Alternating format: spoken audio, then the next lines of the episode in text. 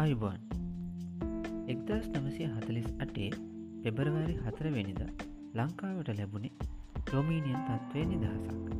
ඒ අනුව නිලවශයෙන් ලංකාව බ්‍රතාාන කිරීටයට තිබ්බ සම්බන්ධය සම්පූර්ණයෙන් ඉවත් වනේ නැහැ.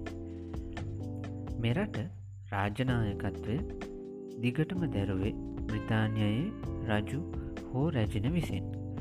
ප්‍රතාාන කිරීටයේ නියෝජිතයකු ලෙස අග්‍රාණ්ඩුකාරවරයකු මෙරට කටයුතු කළා.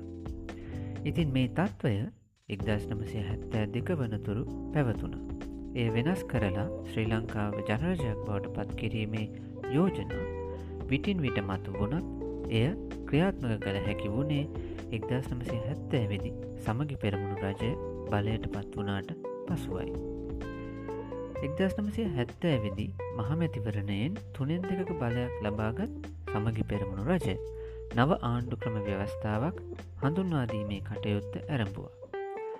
පාර්ලිමේන්තුව ආණ්ඩුක්‍රම ව්‍යවස්ථාදායක සභාවක් ලෙසට කටයුතු කරමින් අලුත් ආණ්ඩු ක්‍රම ව්‍යවස්ථාවක් කෙටුම් පත් කිරීමට වුණා.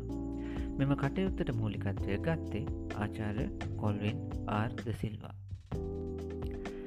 එක්දස්නමසය හැත්තෑ දෙකේ මැයි මාසය විසි දෙවනිද පල්ලමු ජනරජ ව්‍යවස්ථාව බලාත්මක වීමත් එක්ක ශ්‍රී ලංකාව ජනරජයක් බවට පත් වුණ.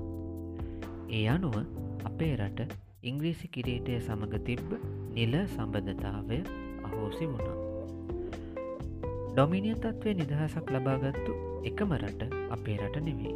ඔස්ට්‍රේලියාව නවසීලන්තය කැනඩාව වගේ රටවල්වල අදටත් නිල රාජනායකයා වෙන්නේ බ්‍රතාානි කිරීටය දරණ තැනැත්තා. තවත් ඒ වගේ කුඩා රටවල් තියෙනවා. ඒ වගේම ඩොමිනියන් තත්ත්වයේ ඉඳලා ජනරජ බවට පත්වෙච්ච රටවල් තියෙනවා. ඉන්දියාව එක්දස් නමසය හතලිස් හතේදී ඩොමිනියනාකාරය නිදහසක් ලබල එක්දස් නමසය පණහෙදි ජනරජයක් බවට පත්වුණ. ඔවුන්ගේ ජනරජතිනය ජනවාරි විසි හය විනිද.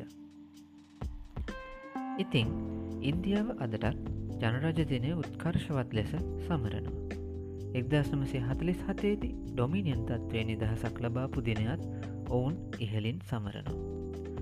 නමුත් ලංකාව ජනරජදිනය විශේෂයෙන් සැමරීමට භාජනය කරන්නේ නැහැ. එක්දසමසය හැත්ත දෙකින් පස්සේ එක්දසමසය හැත්තෑ හතවනතුරු එම දිනය ඉහලින් සමරනු ලැබුණා. එක්දසමසය හැත්තෑ හතේදී එක්සත් ජාතික පක්ෂ රජයක් බලයට පත් වනාට පස්සේ ජනරජදිනය වෙනුවට මැයි විසි දෙවනිද ජාතික වීරදිනය ලෙස නම් කෙරුණා. එයද නිවාඩු දිනයක් වූ නමුත් විශේෂ සැමරුම් තිබුණේ නැහැ. චන්ද්‍රික බණ්ඩාරණයක කුමාරතුන්ග ජනාධිපතිනයගේ පාලන සමයේදී ලංකාවේ නිවාඩු දින වැඩි කියන පදනම මත මේ දිනයත් රජය නිවාඩුවක් ලෙස සැලකීම අහෝසි වුණා. ඒක නිසා අද වෙනකොට විශේෂයෙන්ම තරුණ පරපුරය ගුඟක් අය ජනරජ දිනය කියන එක ඒ තරම් හඳුනන්නේ නැහැ.